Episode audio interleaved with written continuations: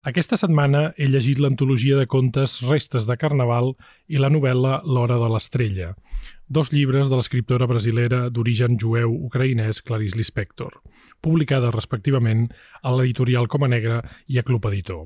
Us he de confessar que, per dir-ho d'una forma una mica directa i barruera, tenia moltes ganes de llegir a l'Inspector.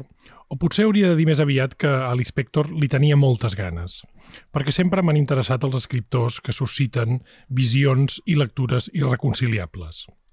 D'una banda, hi ha l'inspectorians que es deixarien matar per aquesta senyora objectivament apassionant, sobretot per la seva innegable traça en retratar l'ànima de les dones i el seu geni també innegable en l'art de suggerir situacions boiroses on l'angoixa femenina es desplega en tots els seus matisos, fins i tot en derivades pràcticament surrealistes. De l'altra, hi ha els detractors, lectors igualment doctes i interessants que, en llegir les crisis existencials de les protagonistes lispectorianes, tan intensites, elles, tendeixen a pensar molt bé, senyora, tot això està molt ben escrit i ui, sí, quina subtilitat de prosa i tal i qual, però on coi és el problema? Quin és el missatge de tot plegat?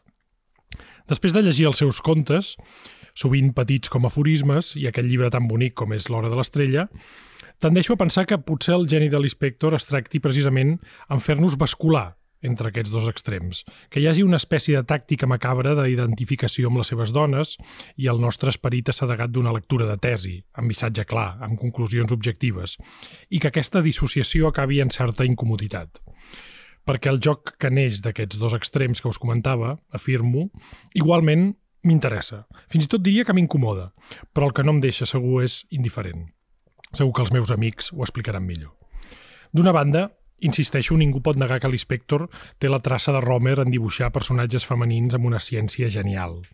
Llegiu, per exemple, Els desastres de la Sofia, un dels contes de l'antologia de Coma Negra, en el que una noia de 9 anys s'enamora del seu professor, que és una autèntica peça mestra i una mostra perfecta dels personatges lispectorians en el seu art de filosofar a l'alçada de Heidegger, però de fer veure que no en tenen res de res.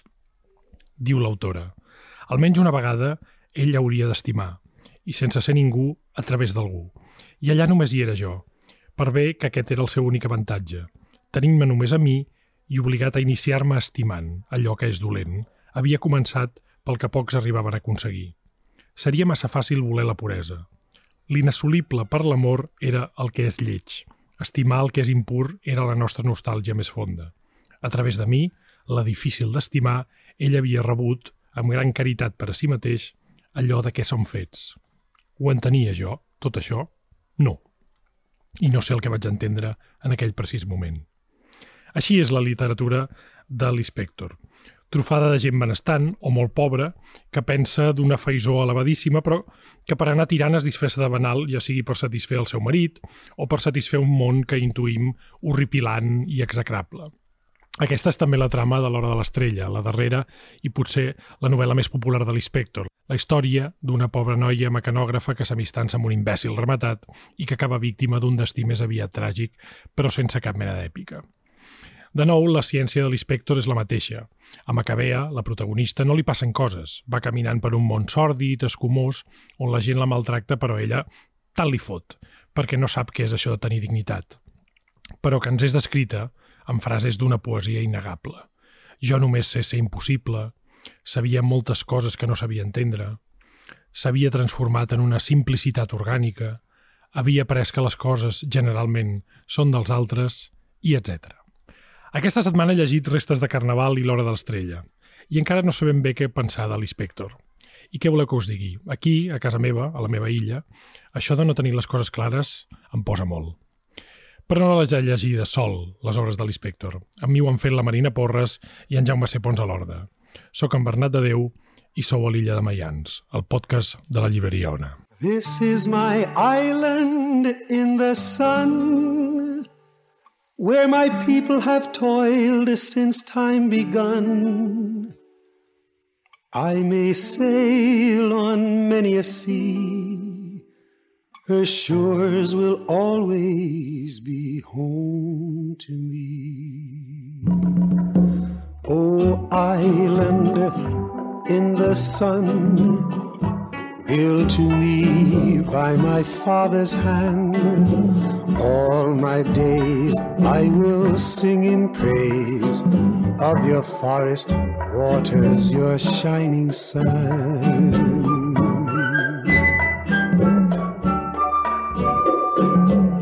Què tal, Marina, com estàs? Què tal? Bon dia, bon dia, Bernat. bona tarda, bona nit, bona matinada, Jaume. Com Ué! estem? Tot bé? Ens acompanya també, que l'ha llegit, no només l'ha llegit a Restes de Carnaval perquè l'ha cotraduït, sinó que també ha llegit L'Hora de l'Estrella, en Pere Comelles, que és traductor, és diplomat en Biblioteconomia i Documentació i llicenciat en Filologia Portuguesa. Moltes gràcies per visitar la nostra illa, Pere. Hola, Què tal? gràcies a vosaltres. Per començar, i abans que el, aquests dos, no sé si lispectorians es barallin, perquè em sembla que el programa d'avui té, té una... té morbo, no? Fight. Fight, exacte. Eh, ens podries, per qui no hagi llegit l'Inspector, com, com he dit, és una, és una autora de, de pocs grisos. Hi ha l'inspectorians molt, molt bèsties, hi ha antilinspectorians molt bèsties. Jo no sé on et situes tu, però després t'ho preguntaré. Eh, què hem de saber de l'Inspector per qui no l'hagi llegit o per qui li, li soni un nom molt, molt, molt estrany? Sí, jo crec que l'Inspector és una autora molt singular, en un moment singular de la literatura brasilera, eh, en què sorgeixen uns noms, pocs, però uns quants noms, que, que cadascú per la seva banda i de maneres molt diferents generen una literatura nova. I l'Inspector en aquest sentit és especialment singular entre els singulars.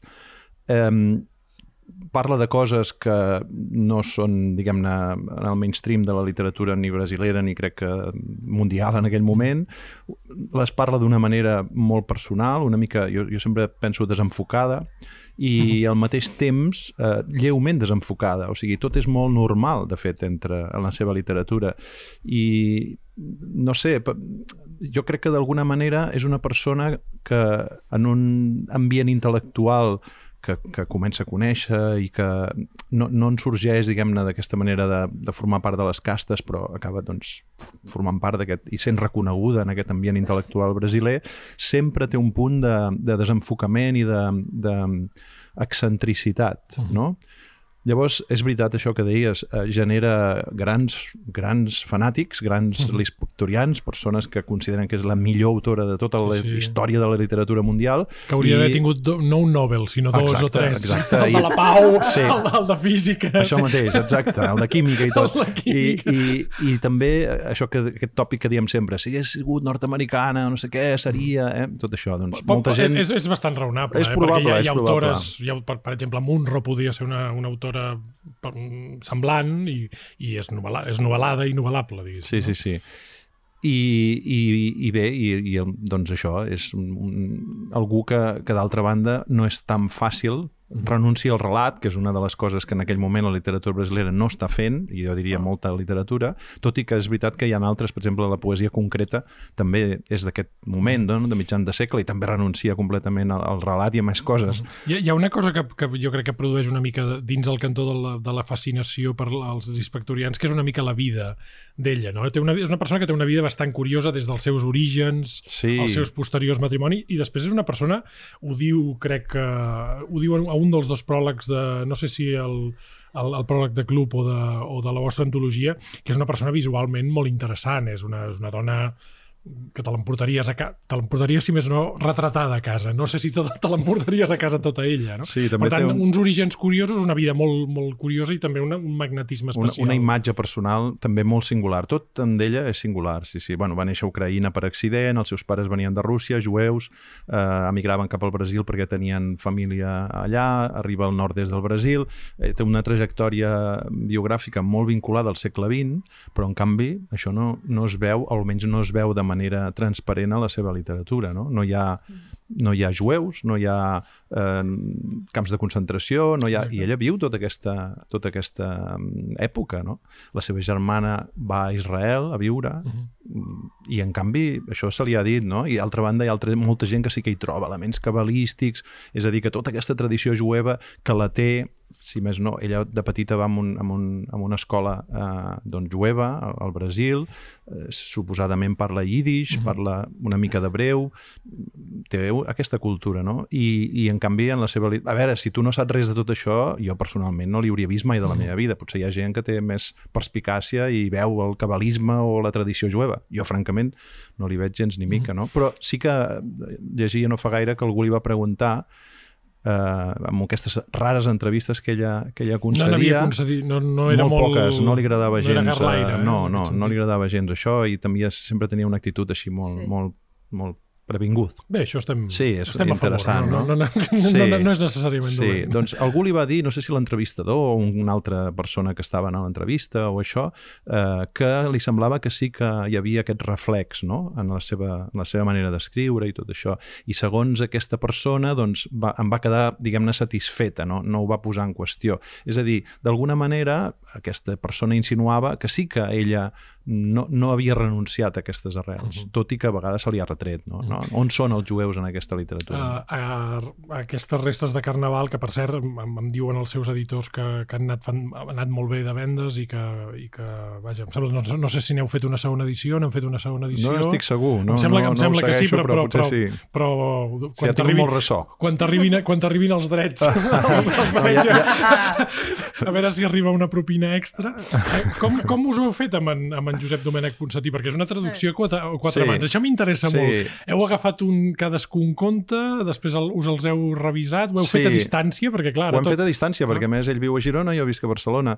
Uh, a mi m'agrada molt traduir a quatre mans, uh, tot i que té mala premsa, perquè normalment es pensa, bé, aquest ha agafat la primera part del llibre, l'altra l'altra part i l'han matxembrat, no? Uh, de la manera La que... gent, la gent al país en general pensa malament. sempre. No, no, i, i, i, té, Ja i, a veure, i també té lògica perquè és veritat que hi ha una certa tradició de traduir a trossos, per exemple, aquests bestsellers que han de sortir en un mes i que s'han de fer superràpid i que els encarreguen a quatre traductors diferents que ni es coneixen ni... Evidentment, això no és uh, traduir a quatre mans o a vuit mans, no? És una altra cosa. Nosaltres el que fèiem era, en principi, repartir-nos els contes per fer un esborrany de cada un i aleshores eh, discutíem, ens intercanviàvem cada conte, conte i l'estripàvem. I realment l'estripàvem, eh? O sigui, l'altre dia li deia al Yannick Garcia que m'ho preguntava, no me'n recordo de quins vaig fer jo primer l'esborrany i quins ell, És de a dir, la, la, simbiosi és total, no? En aquest vam, sentit. vam rellegir-los i tornar-los a corregir i tornar-los a enviar i llavors l'altre et deia, vale, accepto aquestes coses però mira't aquestes. De manera que al final, eh, també no tinc gaire memòria, però realment, de veritat, en algun cas sí que recordar, "Ah, sí, aquest el vaig, el vaig proposar jo, no? Però en general no. I ens vam haver d'ajustar perquè cadascú té les seves manies. El Josep Domènech Ponsatí és poeta i a més a més té una personalitat i, Sí, és- i, ens i consta, això es nota consta, i, sí. i hi havia coses que, que per ell eren innegociables i em sembla bé, eh? jo, Mm. jo precisament vaig insistir en fer-ho amb ell perquè creia sincerament que ell ja coneixia molt bé l'Inspector, l'havia traduït i a més a més és poeta i a més a més és una de les persones que domina més el brasiler en tots els seus registres des del Que més... nosaltres diem brasiler com, com, qui diu, com qui diu una llengua uniforme, però deu haver-hi una ah, enorme variació, sobretot dialectal social, I social, exacte. I el Josep la coneix molt bé, ha viscut a Sao Paulo, ha viscut en, en diferents mons poètics d'alta cultura, com se sol dir, i coneix molt bé l'argot i, i, en fi, i en aquest sentit eh, era per mi un, un, un parceiro, no? un company eh, imprescindible. I jo crec que moltes de les coses que, que brillen en aquesta traducció les hi posa ell. I peeked in to say good night. A mi aquesta setmana m'encantaria recomanar-vos la novel·la breu Lítica de Lucia Pietrelli, publicada a Males Herbes. Crec que na Lucia és la més lispectoriana que tenim en la literatura catalana i amb aquesta novel·la breu que no se llegeix, se devora, mos ho torna a demostrar. És hipnòtica, inquietant, diferent, enlluernadora i a més a més està super ben escrita. Està protagonitzada per personatges foscos que se relacionen amb aquesta taranyina malaltissa d'enveges i defectes i crec que és una obra que se mereix tots els premis i evidentment la trobareu a la llibreria Ona.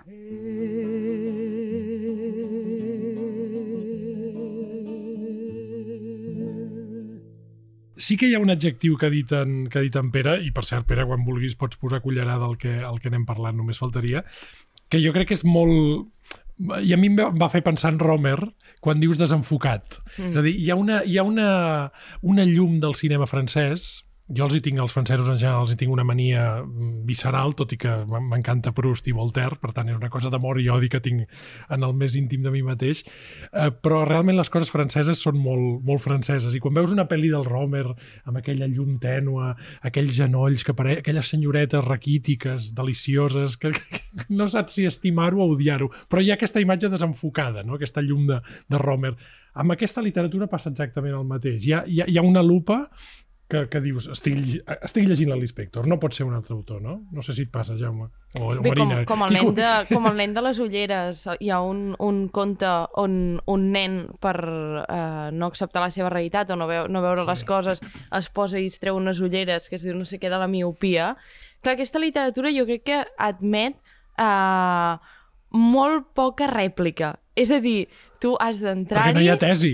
Clar, perquè no hi ha tesi. I llavors et met molt poca rèplica, tu has d'entrar-hi i has d'alguna manera acceptar el món que se't proposa i a mi el que m'ha estat molt difícil és eh, establir cap mena de diàleg amb mm. aquest món.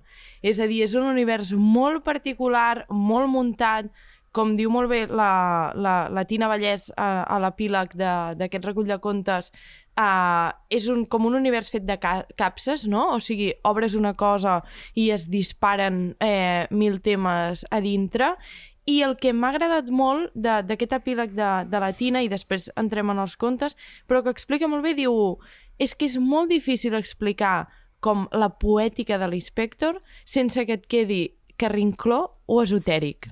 I crec que té molta raó. És a dir, és molt difícil. No sé, Jaume, com, com t'hi acostes tu? Jo tinc molta curiositat per saber com la llegeixes. Jo tota la vida l'he llegida en l'Inspector perquè és una autora que m'ha interessat molt. Aquí tem, per exemple, l'edició que va treure el Faguara fa segles amb Cerca del Corazón Salvaje amb traducció d'en Basilio Losada. I sí que és vera que estic absolutament eufòric de saber que en l'Inspector s'està traduint d'aquesta manera molt potent ara mateix en català, amb aquesta antologia de contes que siu restes de Carnaval, en traducció d'en Pere Comelles i en Josep Domènech Ponsatí, una col·lecció on han anat sortint contes d'en Kafka, d'en Perucci, col·lecció sí. de molta altra gent, vull dir, la col·lecció aquesta és meravellosa i qui vulgui entrar és una porta d'entrada meravellosa en aquests autors, però al mateix temps tenim la bona notícia de l'arribada de l'Hora de l'Estrella, amb aquesta traducció d'en Josep Domènech Ponsatí Club Editor, que ja l'havia traduïda per Pagès Editors, però sembla ser que l'ha refeta tota sencera de nou i Club Editor mos promet la publicació de cinc novel·les més de l'Inspector. Per tant, Fantàstic. no és només aprofitar en guany el 2020 com a centenari de naixement de l'autora, sinó que tindrem l'Inspector en català d'una manera com completa i potent i jo estic molt content de la recuperació futura de la passió segons Geac també, que havia sortit fa molts anys a Empúries, és un llibre totalment descatalogadíssim i precisament ara que aquests dies se parla molt per Twitter de l'Inspector perquè ha tingut molta acollida i hi ha gent que diu recupereu aquest, doncs se recuperarà aviat i aquests llibres evidentment seran de fàcil accés, si en castellà ho tenen gairebé tot a ciruela, mm. està molt bé en català també tenir-ho. Twitter, aquest fangar, a, de, la tribu, fangar. de la tribu que de tant en tant produeix algun debat interessant. Meravellós. Deba debat debats eh, maratonians, com diuen. Sí. Per tant, ara responent a la pregunta, dit fet aquesta introducció dient de per què m'interessa, jo crec que és una literatura metafísica, sinuosa, poètica, crua, salvatge, amb molt pocs referents i és com una selva. Vull dir, si a tu t'agrada agafar un matxet i anar entrant allà de dins sense saber exactament quin és el mapa, eh, aquella gent se sentirà molt recompensada. Perquè sí que és vera que els monòlegs de Spector són difícils de respondre, per això poques figures han pogut xerrar de tu a tu amb ella la literatura, cosa que fa que estigui en un lloc molt destacat, però també una mica elevat de la literatura universal, però al mateix temps amb moltes lectures. Per tant, una persona mm -hmm. pot dir una interpretació i segurament serà vàlida. I això és una cosa que va passar quan precisament a la nau com a negra vàrem fer una batalla de contes mm -hmm. on van convidar en Sebastià Portell, en Janic Garcia, Nabel Alit i Ingrid Guardiola i cadascú havia triat seu conte de la mateixa manera que Natina Vallesa sapia que havia triat un conte que a ella sí. li fa especial il·lusió. No? Per tant, vàrem fer una batalla amb el públic, en campaneta, va venir molta gent, la gent va votar i les interpretacions que feien cadascú dels contes eren molt curioses, perquè millor no pensaves, eh, no havies pensat en aquella possibilitat. I això en Pere ho comenta, per exemple, amb una lectura que va fer en Yannick Garcia, que ja havia llegit aquell conte, però l'havia interpretat d'una manera totalment diferent i que l'havia traduït d'una manera totalment diferent. Per tant, Pere, el que eh, jo vaig entendre aquesta batalla de contes de Nadis Petor era com un convit, com un convit a entrar dins una literatura aparentment complexa, aparentment complicada, aparentment dura d'entrar-hi, però per demostrar que s'hi pot entrar entrar a través de lectures fins i tot divertides. No? I, i, I aquest tema de... Jo crec que és, és interessant començar... Vaja, com sempre diu coses molt interessants, però aquest sentit de rèplica a mi m'ha passat llegint. Jo, jo, clar, els que estem acostumats a llegir o que venim del món de l'assaig i de la filosofia, a vegades quan ens agrada molt més la literatura, per dir-ho d'una manera molt, molt, molt simplística, si voleu, de tesi. És a dir, si no hi ha una tesi i si no hi ha un problema molt particular, cosa que amb les novel·les, per exemple, de Philip Roth, les tesis hi són d'una manera pràcticament fàl·lica. És a dir, la o, tesi, o l'estructura, o, et pots enganxar a l'estructura, si no la o les tesi, novel·les, com a altres les novel·les coses. de Thomas Mann. És a dir, la tesi està ja a la portada i te la- i te l'entabanen a la cara. Clar, aquí no hi ha rèplica perquè tens una, certament una sensació de que no està passant ben bé res i que l'autora t'obliga a posar-te en un univers que clar, evidentment no és el teu, perquè nosaltres és, és un imaginari que ens, que ens queda molt lluny, la classe alta brasilenya o la classe baixa fins i tot, és un nivell... Però ho fa també, i per això jo crec que la feina del traductor ha de ser difícil, amb, és a dir, la, la virtut de l'Inspector és que aquests personatges que fan metafísica, com aquesta nena de 9 anys que s'enamora del seu professor, cony, te les acabes creient, perquè hi ha un moment que tu estàs llegint i penses, és una nena de 9 anys que s'ha enamorat d'un professor, no pot estar parlant com si fos, això, com si fos Heidegger. Però eh, justament per, aquest, per aquesta lupa desenfocada que, que et posa la tia als, al, davant dels ulls, te la creus i la lectura es torna, a- a- en el meu cas, incòmoda i, fru, i fruïdora a la vegada. No sé si, no sé si et passa a tu, Pere, i com, i com es fa per traduir això? Perquè, clar, és, és, és una bestialitat. Bueno, uh, sí. Tens o sigui, temps, tenim temps, el que, eh? El que volia dir temps. primer és que, mm, que certament el que comentàveu del seu hermetisme salvatge i tot això, i que és una selva, estic, estic d'acord, però però hi ha molts cables, hi ha molts camins i, i camins per tothom, jo diria o sigui que, que a vegades eh, quan, quan sents a comentar l'inspector i que, que es posa èmfasi en aquest desenfocament, en aquest hermetisme doncs ho pot espantar un lector no? Mm. i jo crec que justament apropar-s'hi sense aquesta pedanteria que és un marc teòric, no? sense, Mm-hmm. un, sense buscar, sense intentar encaixar-la prèviament, igual com et, et diuen, jo que no entenc gens en art i menys en art contemporani, això, no t'acostis a un quadre intentant verbalitzar un discurs sobre allò, no? sinó d'una altra manera, jo crec que és molt positiu. Per tant, és una, és una autora per tothom, perquè justament no I, exigeix... i, i, no és, un... i no és, uh, no és imbricada, és a dir, no és una prosa Exactament, difícil. no? No. Sí, sí. Una altra cosa és que amb les seves claus et faci el clic o no et faci el clic. Exacte. Això cadascú. Mo- Crec que està molt ben explicat, Exacte. Sí. això. Però de totes maneres, per exemple, hi ha contes també de, de molts nivells d'hermetisme, no? I Mhm. el que va guanyar a la batalla de contes, te'n recordes? Sí. Uh, era? justament era un que és un d'aquests camins una mica més oberts, un cable. És aquell que uh, hi ha una nena que vol llegir un llibre apassionadament però ella no el té i no té diners per comprar-lo i té una amiga a l'escola que el seu pare és llibreter, que Sí. és el somni de la seva vida, no? Sí, sí, sí. Eh, jo no tinc res a veure ni amb la classe alta brasilera ni amb Sí, sí, aquella època ni res, però quan era petit m'hauria agradat quedar-me tancat en una llibreria de còmics. Molt bé, doncs aquest, aquesta tonteria, I, i, aquest fil... I putinejar... I putinejar tota la tot nit, que no? Evidentment m'hauria quedat adormit als 5 minuts, Com si però, fossin galetes. però aquesta si- cosa de dir tots els còmics al meu abast. Doncs bé, vaig entendre, no?, d'una manera... No, no, és dir, vaig sentir empatia amb aquella nena a través d'això. Tothom té un fil d'aquests, no? Hi ha un altre que estava llegint ara al principi, que és aquell d'una senyora hipersensible de classe alta que decideix no ho diu així, la Clarice, perquè la Clarice és més subtil, però decideix fer el bé aquell dia i anar a encarregar-li una feina a la seva minyona, Ah, perquè sí, és pobreta pugui guanyar uns Aquest és- diners. aquest és però la seva minyona no té temps, perquè vol fer una altra cosa, perquè la classe baixa i pobra també té dret no? a tenir una vida. Però ella això no ho concep, això no ho heu vist mai? Segur que sí, Sí, no? Algú que es meravella altrui- perquè ai, la meva senyora de la neteja sí. Mm. resulta que s'ha comprat un iPhone, tu, amb els problemes econòmics que té. Ah, perquè ella no té dret a aspirar un iPhone. Jo sí, clar, perquè jo tinc dret. Doncs aquest tipus de fils hi són i són gairebé a tot arreu. Evidentment, Amor o, o, o la de la Rosa potser no són tan obvis, no? Potser no en connectes tan fàcilment, però tampoc és... Eh, és jo per això dic desenfocada, perquè no és un món inabastable, és que és una mica diferent, una mica, això, mm, desplaçat per mi, no? Clara, que ha sortit aquest, el conte... No sabia que havia guanyat Felicitat clandestina. Aquest mateix, fel- felicitat clandestina. Clar, és un conte sobre una nena que no té un llibre i una amiga seva el té i li va dient l'amiga, la va fent esperar i no li dona el llibre, ella vol llegir molt el llibre, no li dona, li acaba donant, i quan li acaba donant perd tot el seu valor, però sé que aquest conte té molt mala llet. Perquè Molta. aquest, la frase final d'aquest conte és ja no era una nena amb un llibre, era una dona amb el seu amant. En fi. A la... Fin de la fita, eh? Fin de la fita. aquell. Però a mi, el, i em serveix això d'excusa per explicar una cosa que m'ha agradat molt de l'Inspector, que és la seva capacitat de... Uh, no, és que no sé dir-ho d'una altra manera que no sigui desenfocar, però de fer el, sí, això, els límits borrosos entre les etapes de la vida. És a dir, que ben explicat està el pas dels nens als adolescents, dels adolescents als adults, i que ben explicat està lo arbitrària que és aquesta diferència. I com, Això- si, i com s'imbriquen, no? Clar, També suposo que és una cosa molt de la seva vida. És a dir, ella que va estar casada amb un diplomàtic, si no recordo malament, potser de, és, devia ser una senyora que per la seva enorme cultura en molts, aspectes, en molts moments de la seva vida, deixa'm dir-ho d'una manera molt simple, es- devia fer obligada a, a, A fingir. a, a fingir, a fer-se la ruca, a passar com un adolescent, i, i per això justament imbrica també aquests personatges petits parlen com grans, a vegades els grans parlen com, com infants capritxosos, aquella senyora que regala unes roses i s'està tot el dia pen- pensant si ho ha de fer, si no ho ha de Sí. fer.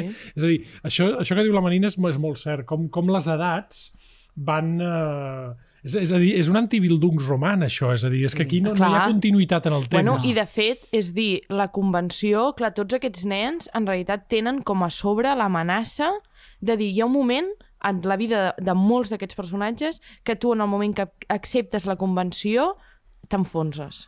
I això està molt ben explicat aquí, Molt de ben dir, explicat. quan et tornes convencional, l'abisme que se t'obre és enorme. Absolutament. I jo crec que precisament es- totes aquestes portes mos ajuden a entrar d'un cantó a l'altre. Que mos poden trobar tant amb aquestes restes de carnaval com a l'hora de l'estrella. Per mi, el que més m'ha interessat és aquest territori fronterer, que no Sí. acabes de tenir cap certesa en cap moment, per tant, estàs penetrant territoris diferents tota l'estona. Per tant, en un moment ara és com a inestab una inestabilitat més fonda, però no deixa de ser inestable constantment. Això ha estat la literatura l'inspectoriana ha servit molt, per exemple, en els estudis de gènere uh -huh. o en els de poètiques del cos, precisament, per entendre de quina manera el cos s'escriu i com s'inscriu literàriament. Per tant, és una literatura que ha ajudat amb aquests estudis de reivindicació de les veus de l'alteritat, d'aquelles altres veus, el que en Harold Bloom de l'escola de ressentiment, uh -huh. aquella que fins a aquell moment no havia tingut temps d'expressar-se, doncs en l'inspector aconsegueixen una expressió. I com ho fan? A través d'una cosa que sembla que, que no serveix, que està inacabada, que és incompleta, i en el mateix temps com si no tingués gràcia, però aquesta és la seva gràcia, que és precisament el contrast que trobarem en Namacabea a l'hora de l'estrella, no? És un personatge desgraciadíssim, però en canvi, la llum en què en l'Inspector mos parla Mhm. d'ella té una llum especial, té, Exacte. té com una claror, té una gràcia pròpia, encara que el narrador, l'escriptor, se resisteix a donar-li. I a més a més, aquesta literatura a mi m'agrada molt perquè sembla que no passi res, però passa tot. Oh, i tant, I i això és interessant. Jo m'atreviria a dir que Sí, l'Inspector... sí, les, de fet, el, el, el, ara entrant ja en, en l'hora de l'estrella, uh, si no voleu comentar res, o si voleu comentar coses dels contes, també, eh? però eh, és molt interessant perquè, uh, Pere, i això, també és, és, deu ser dur a l'hora de traduir, perquè és, és, el traductor està acostumat a la narrativitat o a la novel·la narrativa de tota la vida, el que passa a l'hora de l'estrella es podia resumir amb dos línies, és a dir, és la història d'una noia mecanògrafa pobreta, més aviat bleda, que s'enamora d'un cretí i que després no, no farem un spoiler perquè la cosa acaba una mica malament i, hem de, i, i la Maria Buigas ha de, ha de, vendre, ha de vendre llibres, no? Però la, la, el, la trama és, és el de menys, diguéssim, no? Sí, el, els crítics sempre ho han subratllat d'elles des del principi, eh? que la, la, ella renuncia a la trama precisament en un moment en què la trama és molt important a la literatura del seu entorn. No? Clar, no sé, l'hora de l'estrella jo, jo recomano molt l'epíleg també, eh? la de la Nora Sí. sí. Catalí, igual que dels contes ja Sí, sí, sí. de la Tina Vallès, que són molt aclaridors, no? Com, com, com deia molt, el Jaume... molt breus com... els dos, però molt directes. Sí, Sí, com, com mm, ressalta la dignitat eh, essencial, diria, d'una persona que no té dignitat, perquè no li atribueixen aquesta dignitat. No? La, la, la Macabea és, és, és algú minoritzat, no? dèiem ara, però moltes vegades es presenten aquests personatges com essencialment pobres, essencialment, vull dir, la seva essència és pobra. I, i de fet, em, em va agradar molt la Nora Catelli explicant exactament això, que, que es tracta d'un personatge amb una, amb una dimensió mm, molt més gran del que podria semblar d'entrada i que en mans d'un narrador, diguem-ne, pamfletari o d'algú que volgués fer eh, Sí, sí. literatura social convencional i tot Clarament, això, seria podria ser ter- terriblement terrorífic. condescendent, Sí. terriblement eh, minoritzador encara més, no? Sí. I, I diu la Nora una cosa molt interessant, que és això de donar veu als que no tenen veu, que és aquest, aquest paternalisme, aquesta condescendència. No es tracta de donar veu a qui no té veu, sinó d'escoltar aquesta veu que sí que té, no? I una mica, jo crec que la Clarice, en certa manera, ho fa.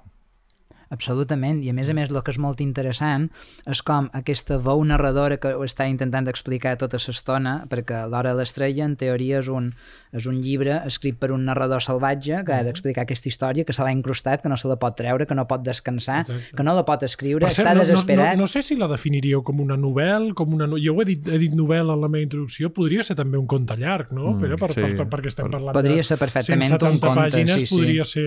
Bé, clar, això també és una, una cosa interessant, no? De, de quin gènere estem parlant. Hi ha molt diàleg, és una novel·la que també podria ser te, te, en molts aspectes teatralitzable, no? És, és una Precisament, precisament, el narrador aquest se diu Rodrigo SM i fa declaracions tan bèsties com no sóc pas un intel·lectual, escric amb el cos. I amb el seu cos intenta escriure la història d'un altre cos que es m'ha bé. I és molt curiós com tot li està eh, perdonant sa vida, no?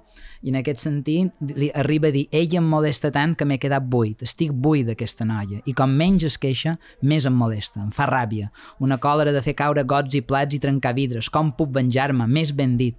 Com puc compensar-me? Està desesperat, perquè aquesta història no va acabar. No l'abandona i al mateix temps, al mateix temps la maltracta, la destrossa, li fa passar ses mil putades, però ella, que sembla desgraciada, té aquesta gràcia especial, escolta una ràdio en què parlen de cultura i les poques coses que va escoltant Sí, sí. li entren, i això se veu molt... quatre, té quatre anècdotes. Quatre anècdotes, però clar, discutint en l'Olímpico de Jesús, que aquest sí que és un fit de puta, Aquest evidentment, és- és és, terrible.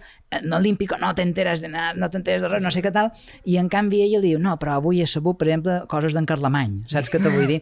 I clar, ella se revela, és el que deia en Pere Van, no? Vull dir, no, no és que li donin sa veu, és que té una veu i s'està expandint molt a poc a poc, i si li donessin una miqueta més de màgia, podria créixer com a persona, perquè va amb aquesta llum especial, el personatge, i això és el que a mi me fascina de l'hora de l'estrella, perquè l'estrella és ella. Oh, my love, my darling, I've hungered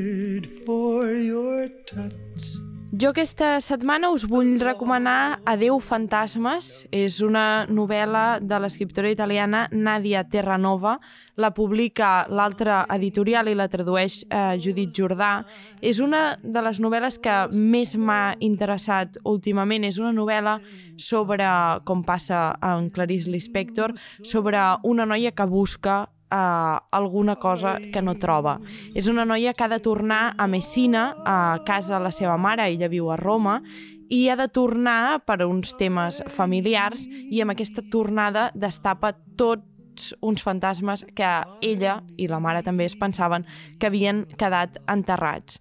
És una novel·la fantàstica sobre els vincles eh, que establim amb aquells que tenim a prop i també amb els vincles que establim amb aquells que no hi són i que sembla que no existeixin però deixen una marca molt, molt fonda.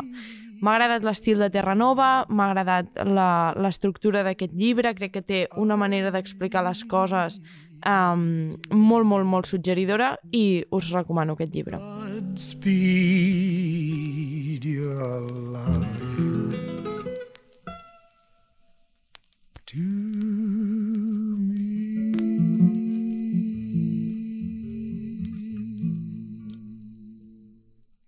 M'interessa molt la, la l'Inspector també pel que fa a la reacció del lector, no?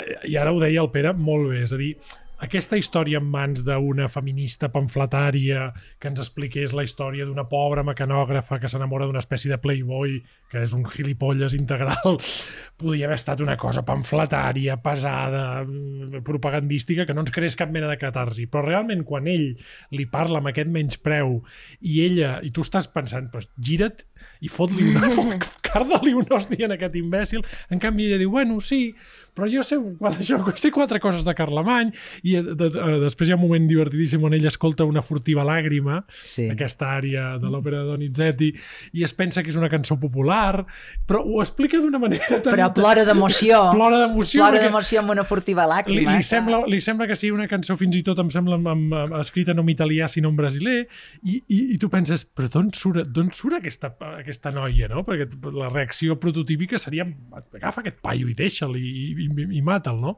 i a, a, aquesta espècie de sensació és tremendament catàrtica. No, no sé si t'ha passat a tu lle- llegint la Pere, perquè a mi m'ha- generat una incomoditat molt, molt, molt plaent. Sí, aquesta és la, la paraula, jo crec. que és, és, Com sempre, també aquí és incòmode, no? I això que aquí, diguem-ne, que, que s'anava cap a un gènere que no era el seu, no? Que era justament, eh, una mica se l'havia acusat de sempre escriure molt lluny de la realitat, en aquest sentit, cosa que potser no és justa del tot. Però aquí va fer com una espècie de novel·la social, no? És a dir, la protagonista és una dona pobra i tot això.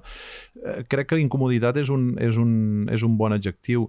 Jo el que volia dir és que l'Olímpico, que efectivament és un fill de puta, però té una cosa en comú amb la, amb la Macabea. Tots dos són els que han construït aquesta ciutat de Sao Paulo que no és per ells en cap cas.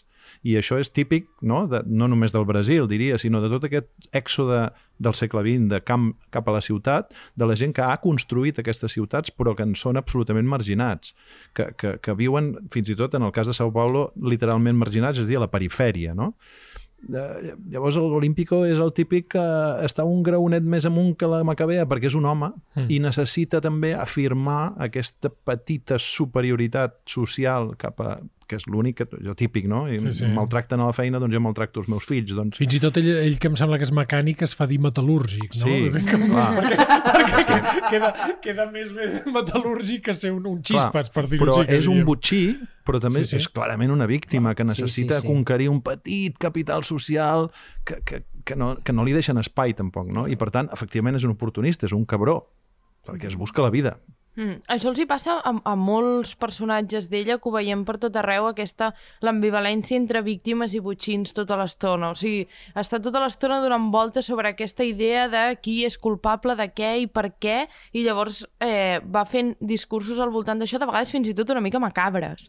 Que a mi m'agrada molt aquest punt macabre que hi ha en, en Perquè s'ho passa, perquè s'ho l'Inspector. passa bé, l'Inspector. Clar, perquè et tira coses molt bèsties i, i les, les desencaixa i tu penses, ostres, com ho ha posat això aquí?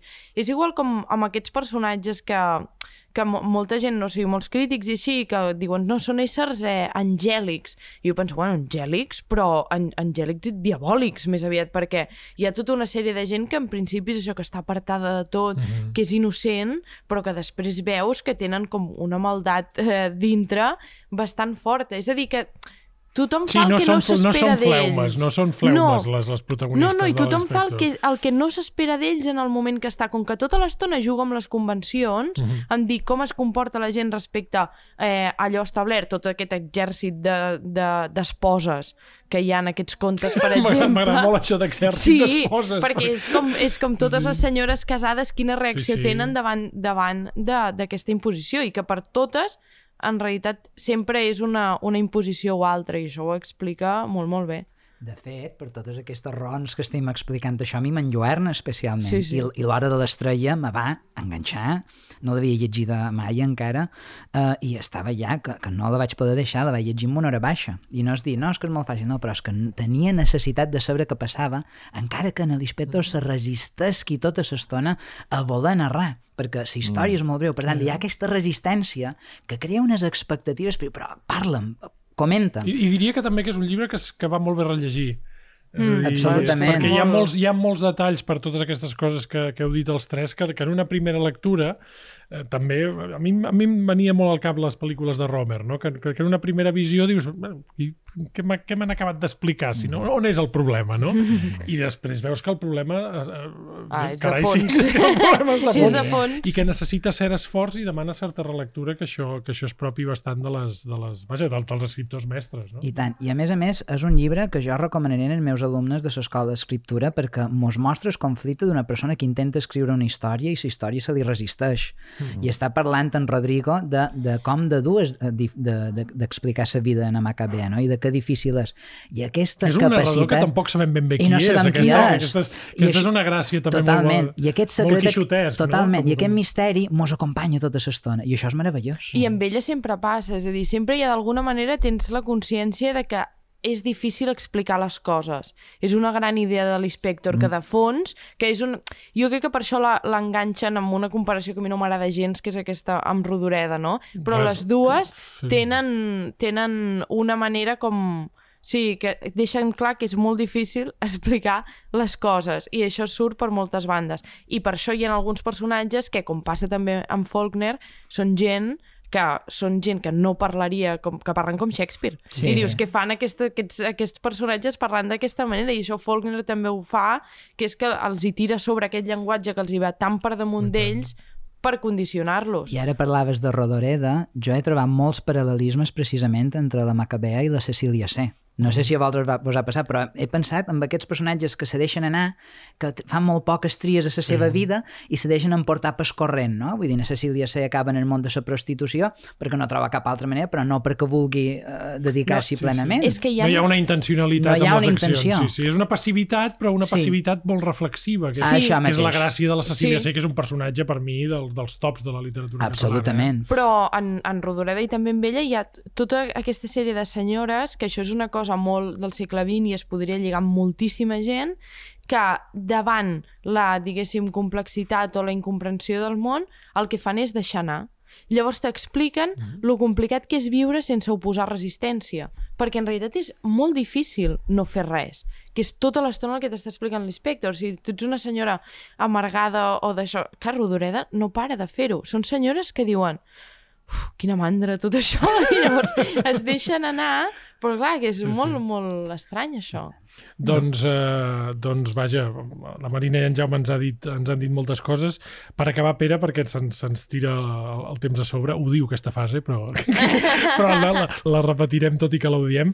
Eh, sempre demanem als nostres convidats que ens, eh, que ens triïn una música que, tinguin, que tingui a veure amb el, amb el llibre que han llegit en aquesta jo no sé quina música et portaria o se t'acudiria quan parles de, de l'Inspector, d'aquestes restes de carnavals. Mm. Potser alguna música de Brasil, eh, potser alguna música, o que et posessis mentre traduïes i no et sortien els, la, els, els adjectius. La veritat és que no, no puc treballar en música, no, no sóc d'aquest ja, tipus. Ja en som dos. I, i m'ho havies d'haver dit, perquè hauria pensat una mica, la veritat. Així d'entrada, naturalment, el més tòpic seria agafar la, la música brasilera dels anys eh, finals dels 50, principis dels 60, que a més a més és, va crear escola en molt pocs anys, va, va, va posar la música brasilera al món i va fonamentar una indústria que encara ara en viu, no?, en certa manera. Qualsevol d'aquestes músiques de, de, jo que sé, de, de Vinícius de, Bora, de Moraes o de, o de... En fi, que a més a més han tingut un, un, una enorme ombra allargada, no? I, I també et preguntarem si estàs traduint alguna cosa que es pugui dir, perquè ens agraden les exclusives aquí, sí. en aquesta illa, som molt ara, tafaners. Ara mateix no, Ara mateix no. Estic molt content que el Josep Domènech Ponsatí tingui aquest encàrrec tan a llarg termini, perquè crec uh -huh. que ens oferirà una bona bateria d'això, de, de l'inspectors d'alta qualitat i, i, i a més crec que també ho intentem explicar en el, en el pròleg de, de, dels contes, no? de, que crec que el plantejament que fa ell i que jo també crec que comparteixo eh, de traduir és, és, és, és delicat perquè és un equilibri entre no, no, no matar l'alteritat la, no? Mm -hmm. i al mateix temps eh, recordar que aquí hi ha un, una persona que posa les paraules mm -hmm. i les paraules vol dir moltes coses, vol dir també una part d'un mateix, no? I que si, el, si es pogués traduir dient el mateix ja ho farien els robots, no? I, i per això eh, aprofito per dir que en aquesta illa sempre convidem els, els traductors i ens fa, i ens fa molta il·lusió que, eh, que vingueu perquè, perquè aquest país jo penso que té una mina eh, amb, amb, amb la gent que, que tradueix en, en, en moltíssimes llengües i, i no sempre per un preu, com saps, molt generós, o sigui que és una tasca que, vaja, des del programa jo personalment valoro moltíssim i crec que aquesta tribu té moltíssima sort perquè hi ha un nivell d'edició i de traduccions realment envejable. I avui ens has ofert moltes claus per llegir l'Inspector, o sigui que jo t'agraeixo moltíssim, Pere, que, que, hagis, que hagis vingut i aquesta és casa teva i ens, ens escoltes i ens visites quan, quan vulguis. Um, I vosaltres ja ho sabeu, heu de llegir llegir l'Hora de l'Estrella, heu de llegir les restes de Carnaval. Si les podeu comprar a la llibreria Ona, doncs, eh, escolta, assegurareu que en aquesta illa, a part de palmeres, hi puguem tenir de tant en tant uns cocos i ens els puguem fregir per menjar. I el Jaume i la Marina, com sempre, els agraeixo molt que, que ens hagin il·lustrat. Moltes gràcies a tots. E de repente me fazer muito carinho e chorar bem de mansinho, sem ninguém saber porquê.